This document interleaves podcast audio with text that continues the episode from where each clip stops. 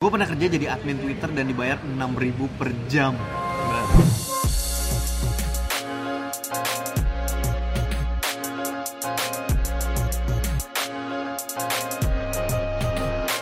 Teman-teman, nama gue Benazio dan sebelah gue udah ada Raden Astra. Dia adalah seorang Halo. associate, dia adalah seorang associate creative director dari salah satu agensi besar di Jakarta. Sekarang kita mau ngomongin tentang kalau lu baru aja lulus kuliah, apa sih yang bakal lo hadepin? Jadi sekarang kita gue mau coba tanya dulu deh uh, pengalaman lu dari lu lulus kuliah gimana?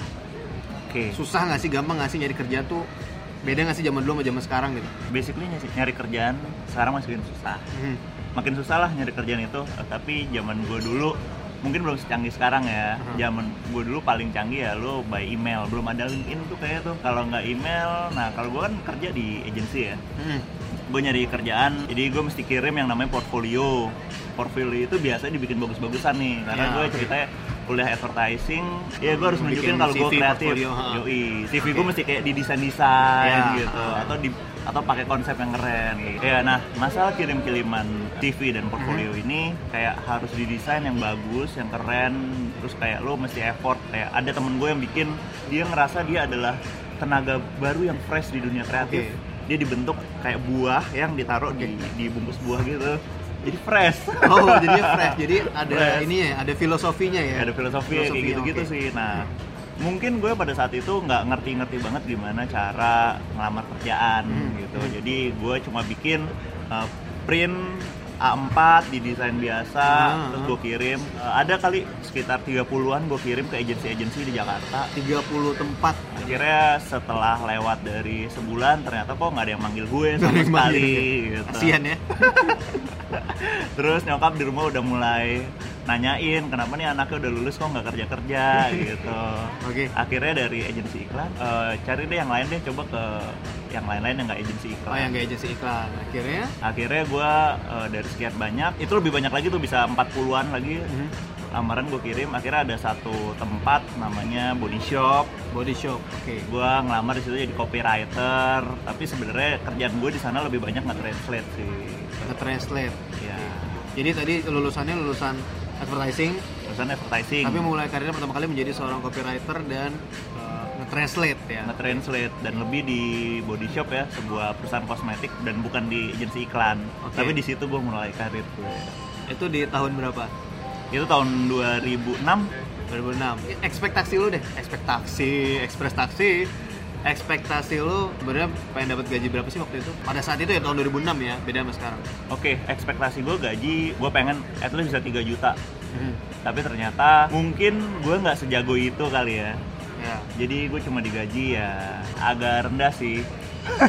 Ya kira-kira agak jauh di bawah itu ya? Jauh di bawah itu. Oke, jauh di bawah. Gue ekspektasi waktu itu 3 juta. Di nggak? Oke sedih. Ternyata nggak bisa sesuai dengan yang gue inginkan Hmm. gitu. Hmm. gue waktu itu pengen 3 juta ternyata nggak dapet. Oke akhirnya gue mikir ya udah gue mau mulai karir gue dari sini. Jadi gue coba dari dari gaji yang seadanya sekarang gue coba sambil belajar cari pengalaman ya ekspektasinya ada tapi tetap aja kita harus mulai dari dari awal dulu ya. Iya. maksudnya ya itu aja dari berapa banyak ya? 30 40 udah 70 tempat dia kirim CV nah kira ini dapat satu ya udah syukur dapat kerjaan gitu ya. Kalau zaman dulu lebih susah nyari kerjaan daripada sekarang ada LinkedIn ada jadi Instagram aja mau info lowongan kerja loker segala Iya. macam gampang nyarinya kalau dulu mungkin lebih susah. Itu gue mulai karir oke dengan gaji seadanya buat gue yang penting waktu itu adalah eh, belajar. Oh ternyata emang penting banget untuk kita menjaga ekspektasi ketika awal masuk kerja gitu. Gue memilih eh, untuk ngambil sebanyak-banyaknya ilmu di setiap tempat yang gue bekerja. Hmm. terus sampai akhirnya itu jadi bagian dari diri gue sih. You get skill first money will follow. You get skill first money will follow. Just freaking start. Iya. Yang namanya fresh graduate ya masih fresh masih Hmm. masih fresh banget ya. Jadi ya Hmm. Ya lo nggak bisa ngarepin yang langsung gede banget mau langsung hebat gitu lo mau langsung senior segala macam nggak bisa karena sebelum jadi associate creative director aja kan saya tadi kan mulai dari copywriter nah, mungkin dari segi graphic designer Iya. gitu kan senior graphic designer art director Iya. senior art director dan apa segala lagi banyak banget jadi memang nggak bisa lo expect gede banget gitu dan memang pengalaman itu yang nggak bisa dibohongin sih maksudnya Iya. lo nggak bisa langsung gede gitu aja karena pastinya butuh pengalaman kan Iya. maksudnya lo nggak bisa merasa eh gue gue menurut gue gue jago banget ya gue bisa ngerjain kapan ya gue naik jadi senior copywriter gitu misalnya. Iya. gue merasa gue udah dunia gue banget ya gue jago banget bisa gue dalam enam bulan naik naik jadi senior senior copywriter? Kayak gitu bisa nggak? Ya nggak bisa sih. Semua tuh menurut gue ada ada fasenya dan sekarang emang gue perhatiin nih banyak nih anak-anak muda yang baru masuk kerja mereka tuh kayak merasa harusnya dihargai lebih gitu. Peng- Hmm. atau pengennya naik pangkatnya cepet gitu. Nah sebenarnya menurut gue harusnya nggak kayak gitu ya. Setiap orang tuh butuh proses untuk berkembang. Karena apalagi di bidang gue kayak kreatif tuh pada akhirnya semua akan kembali sama apa yang bisa lo lakukan apa yang bisa lo buat. Lo kontribusi apa yang bisa lo lakukan untuk tempat tersebut gitu Iya kayak gitu. Dan yang salah ya maksudnya ada bedanya ya sebenarnya antara karir sama pekerjaan gitu. Kar- pekerjaan adalah lo tempat lo di mana kerja di situ untuk nyari uang. Karir adalah sesuatu yang lo bangun untuk diri lo sendiri. Oke. Itu menurut gue. Jadi ketika gue dulu di body shop, gue belajar eh, nge-translate yang bagus, eh, bikin copywriting yang Hmm. bagus, bikin brosur kayak gimana dari bawah banget tuh. Kayak adaptasi lingkungan kerja tuh ternyata Iya, kayak gini gitu heeh.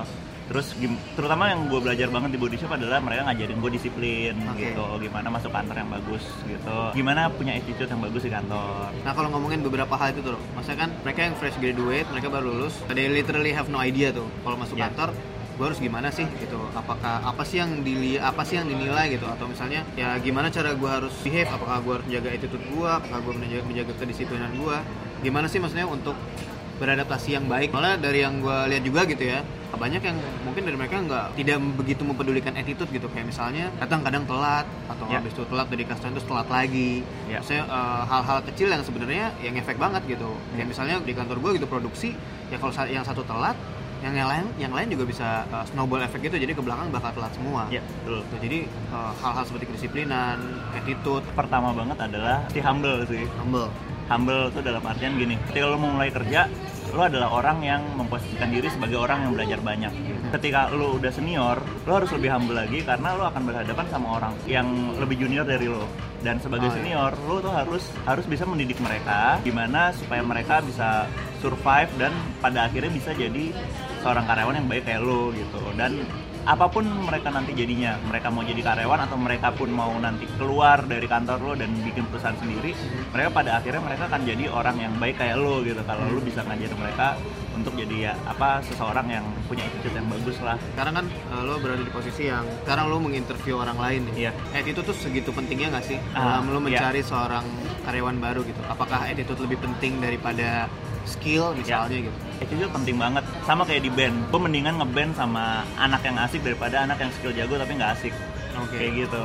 Mulai dari interview gue pasti akan lihat sih ini orang datangnya telat apa enggak. Oke. Terus bagaimana ketika dia gue interview, apakah dia akan eh, banyak apa ya banyak nyombong karyanya, menyombongkan karyanya, atau eh, justru bisa mempresentasikan karya dengan biasa tapi meninggalkan kesan lah Hmm. sama gue yang menginterview. etikanya baik tapi juga secara personality-nya gitu ya dilihat ya. apakah dia. Karena kadang gue juga sempat nemuin kalau gue lagi interview orang CV-nya keren banget nih. CV-nya wah gila keren banget. Eh, fotonya senyum ya kan? Ah. warna-warni segala macam. Terus ada satu hal yang biasanya selalu tricky itu di bagian skills. Skills Photoshop 9 Iya. dari 10 Illustrator 10 dari 10 gitu. Gue tanya hal yang dia nggak ya, Illustrator kalau gini-gini gimana Eh, saya gitu belum belajar sih ya kadang-kadang kayak gitu kan. Jadi apa yang lo taruh di CV itu ya harus merepresentasikan diri lo sendiri gitu loh. Lo boleh optimis tapi kadang ya jangan over optimis juga gitu. Kadang-kadang ya lo harus bisa nge-present value lo tuh seberapa sih. Dan kadang yang sering gue temuin adalah mereka nggak pede. Iya. Gitu, kayak ini CV lo bagus tapi kok lo orangnya kayak nggak kelihatan bersemangat ya? Maksudnya malah eh, saat kita tanya eh, kelebihannya apa kekurangannya apa justru kayak dari orangnya malah nggak kelihatan gitu dari karyanya kelihatan gitu. Nah kalau kayak gitu gimana menurut lo? Maksudnya kan ada tuh tipikal orang yang oke orangnya pendiam banget tapi ternyata eh, karyanya bagus. Kayak gitu gimana? Oke, karya bagus tuh sebenarnya apalagi kalau kayak gue di bidang advertising ya, di bidang kreatif gitu, sebenarnya nggak ada satu karya yang karya dia sendirian biasanya. oke. Biasanya itu karya bareng-bareng lah apalagi kalau gue nginterview anak-anak yang udah pernah kerja di kantor lain terus bilang ini ide saya ini ide saya eh, ini gue yang buat. Gitu. akan selalu ada orang-orang lain yang membantu dia sampai ide itu bisa terwujud. Jadi gue nggak pernah pegang sama apa portfolio dia yang yang yang yang dia bilang punya dia sendiri gitu ketika ada orang yang skillnya jago tapi dia ternyata pendiam segala macam gue akan akan coba eh, Gali terus ya? gali terus. Gali terus. nah kalau di agensi gue sekarang sih biasanya sih di kantor gue tuh dikasih tes. Ah dikasih tes jadi kita bener-beneran orang dites kelihatan tuh hasilnya kayak gimana dia. Gue dulu juga waktu awal-awal masuk kerja juga dites sih. Tes bahasa Inggris tes apa namanya pengetahuan umum gitu. Tes IQ enggak tes IQ ada? Tes IQ ada? tes IQ ada. Tes IQ dan paling penting kalau di kantor gue yang sekarang Hah? ada juga tes kepribadian. Tes wah itu penting banget sih. Sekarang gue mau ngasih pertanyaan yang spesifik nih ya lebih spesifik apalagi Ah. zaman sekarang ya. Menurut lo gimana perbedaannya ya waktu lo zaman dulu sama anak millennials zaman sekarang? Mungkin dari dari dari lo Oh, interview atau iya, mungkin iya, iya. junior junior di bawah lo perbedaannya gimana sih anak-anak yang yang udah lebih senior sama yang anak baru dan juga kita nyebutnya ini anak-anak millennials Iya, gue sering interview anak milenial sih, baik untuk magang ataupun kerja kerja sebagai junior gitu. Hmm. Pertama, satu yang gue perhatiin ya anak milenial zaman sekarang itu eh, mereka emang pede-pede. Hmm. Eh, Oke lah mereka jadi oke lah oke banget, pede banget. confidence-nya oke Tapi sebenarnya yang gue cari adalah potensi mereka untuk jadi karyawan yang baik gitu. Hmm. Jadi gue biasanya lebih nyari attitude mereka sih. Apakah mereka, gue gue dapet nih feeling mereka agak-agak sombong nggak ya, kira-kira iya, gitu. iya. Atau apakah mereka ngeliat banget ketika mereka gue interview, mereka gue tanya mereka minta gaji berapa. Dan ketika mereka bilang mereka minta gaji berapa, sering gue tanya alasannya kenapa minta gaji segitu. Oh. Nah biasanya mereka mentok tuh kayak Iya. gitu. Kenapa ya? Karena gue begini begini begini gitu karena gue kuliah gini gini gini gitu. Nah, satu lagi sih kalau bisa gue tambahin itu nggak tahu ya mungkin nih gue doang atau gimana tapi uh, dari beberapa yang gue tahu itu mungkin karena zamannya sosmed banget dan mereka orang-orang yang kepo banget yang bener-bener sosmed ya sosmed oriented banget lah gitu. Beberapa gue temuin itu baper baper baper nggak ada nggak di tempat lo yang baper gitu baper tuh Ah. adalah yang kayak uh, ini urusan kantor sama urusan pribadi tapi jadi kayak ke bawah oh iya iya Betul. ya itu banyak sih nah itu adalah salah satu ini sih step untuk pendewasaan di dunia Iya, kerja menurut betul. gue jadi memisahkan mana yang pekerjaan Kerja, profesional urusan kerja sama urusan yang pribadi sih Ah. sebenarnya. Ya, karena apa ya menurut gua kalau misalnya uh, lu dimarahin di kantor atau dapat uh, teguran apa segala macem ya ya itulah dunia kerja kan ya. Iya, maksudnya itu sangat wajar sekali terjadi. Ya dan maksudnya itu kan juga untuk ngasih tahu ke kalian untuk bisa jadi lebih baik gitu kan maksudnya. Iya, iya. sangat wajar nggak sih kayak kayak, kayak gitu gitu kalau ada yang attitude yang nggak baik terus diapain Ya sebenarnya ini menurut gue di kantor gue tuh sama seperti kantor-kantor pada Oke. umumnya Nah. sih. Setiap orang yang salah akan dibilang salah. Tapi yang yang jadi problem adalah ketika orang salah dia nggak mau ngaku salah. nggak mau gitu. salah oke Itu akan jadi problem gitu untuk untuk untuk timnya bahkan untuk dia sendiri gitu. Attitude kamu di satu kantor akan dikenang, akan diingat dan akan tersebar ke kantor-kantor lainnya. Oke. Oh itu mungkin satu hal yang uh, mereka nggak tahu ya karena Hmm. ya kayak misalnya gue berhubungan baik dengan agency gitu misalnya dengan brand gitu. Kalau ada siapa yang aneh gitu ya mungkin akan tersebar gitu ya. Iya, iya, iya. Bisa jadi tersebar, bisa jadi terdengar ke tempat-tempat lain juga gitu. Iya. Apalagi sekarang ada LinkedIn lah, di mana Iya. lo bisa ngasih testimoni, review, segala Iya. macam itu ngaruh banget dan sangat penting lah attitude karena apalagi untuk dunia yang sama ya dunia advertising gitu ya mungkin akan bisa word of mouth word of mouth nyebar ke mana-mana gitu. Iya, eh, kayak gue dulu waktu itu ya pernah adalah zaman zaman nginterview orang terus gue tahu orang ini wah orang ini dulu di kantor yang lama dia males gitu oh orang ini dulu di kantornya yang lama lagi di kantornya temennya temen gue Ah. dia pak berantem udahlah Iya, gitu begitu nginterview sama kita kayaknya udah langsung dapat bad image kan Oke. Tuh, diinget pasti tuh Ah. kayak gitu-gitu Nah iya itu juga uh, salah satu hal yang mungkin uh, kalian kalau fresh graduate itu perlu tahu bahwa kita juga ngecek loh. Gitu. Ya kalau Ya. kalau di gue ya startup ya kita benar-benar ngecek banget gitu. Cek ya mungkin apakah lu punya LinkedIn, apakah lu punya sosmed, lihat sosmednya lu ngepostnya apa, Ya. uh, lu orangnya gimana segala Ya. macam itu tuh kita benar-benar cek database-nya banget gitu loh. Lo ini atau misalnya lo, lo udah pernah kerja sebelumnya kita ngecek dulu sebelumnya Ya. kerja di mana. Oh ternyata ada temen gue yang dulu sempat kerja di tempat kantor yang lama. Gue tanya temen gue nih, Ya. dia dulu anaknya gimana. Jadi benar-benar uh, humble tadi ya humble itu penting banget karena ya lo ngefeknya di karir gitu kan. Karir kan untuk untuk uh, jangka panjang. Kalau lo uh, dapat image yang nggak enak ya bisa jadi akan bergulir ke karir berikutnya. Gitu. Iya. sekarang kita ngomongin soal gaji dan loyalitas di kantor. Gimana? Apa yang bisa lo bahas tentang ini? Oke, sebenarnya menurut gue benernya yang sering gue temuin sama anak-anak milenial zaman sekarang adalah mereka merasa kalau pengen naik gaji cepet ya mereka harus pindah-pindah gitu. Aha, saya Pindah. kerja enam bulan di sini terus ah gue pindah lagi ya ke sana Iya. biar lebih tinggi lagi apa segala macam gitu Iya, eh, padahal menurut gue itu itu adalah metode yang nggak long lasting. Menurut gue metode yang paling bener adalah lo mencari guru, lo nyari guru orang yang bisa lo pelajari hal-hal yang baik dari dia dan menurut gue nggak dalam enam bulan sih tapi at least dalam minimal satu setengah tahun atau dua tahun. lo akan bisa belajar hal-hal yang baik dari dia lu skillnya udah dapet pengetahuan knowledge udah banyak lu lebih bijak lebih wise Hmm. baru lu pindah lu akan naik gaji karena lu memang pantas mendapatkan gaji itu Ya. kalau lu pindah sebelum lu skill lo mateng atau knowledge lu belum bagus lu pindah ke tempat lain di tempat lain lu akan akan di challenge sama hal yang baru dan pada akhirnya itu nggak lu nggak terbukti apa ya nggak terbukti jago nggak terbukti bisa ya pada akhirnya karir lu juga yang akan terancam sih gue kayak gue kasih tau misalnya kayak oke lo kerja di satu kantor misalnya jadi copywriter terus enam bulan kemudian lo cabut terus lo ngarepin untuk naik jadi senior copywriter nah Ah. kayak gitu kan kalau menurut gue ya gue nggak tahu deh kalau menurut gue ya lo baru enam bulan nih terus lo sekarang uh, ngarepin langsung jadi senior copywriter apakah lo udah cukup pengalamannya gitu loh oke Ya. lo jago tapi ya pengalaman itu matters banget gitu Iya. kan apa kalau udah punya pengalaman berapa lama gitu? Karena kalau kalian ngecek ngecek nih ya misalnya ngecek gue gue sering nih gue gue orangnya explorer banget. Gue pernah ngecek job hiring di Instagram di Facebook di Apple. Ada misalnya job hiring sebagai senior PR marketing pengalaman 8 years. Ah. lu baca itu aja anjir 8 tahun bos. Lama juga ternyata. Salah satu requirement penting adalah minimum 8 years of experience in bla bla bla bla.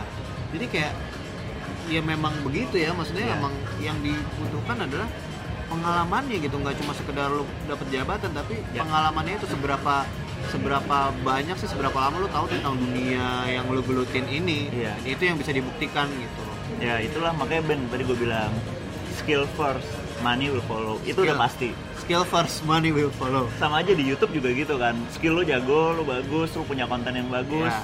pada akhirnya uang pendapatan tuh bonus aja Ya, bonus. gitu itu akan datang sendirinya money gitu. will follow kalau lo gimana? Lo ada sharing-sharing pengalaman Oke. kerja pertama lo gue pengalaman kerja. Sebenarnya gue dari zaman dulu banget itu dari SD bahkan gue jualan anaknya dagang. Oh. Gua sebenarnya gara-gara Ya. diajak kakak gue nih ini ada sebelah sini dia orangnya.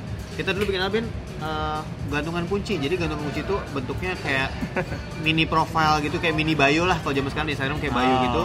Dilaminating warna coklat dipotong-potong digunting-gunting Eh, itu dulu mu- mungkin 1000 perak atau 500 perak gue nggak tahu. Dan yang waktu SMP gue pernah jual nasi uduk terus gue pernah jualan ringtone.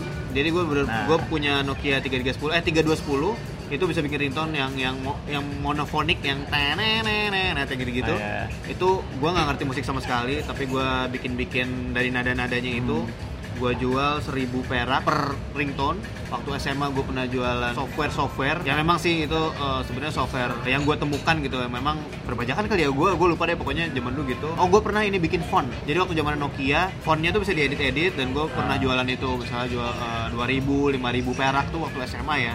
Udah laku termasuk. laku. Laku laku, Laku. banyak.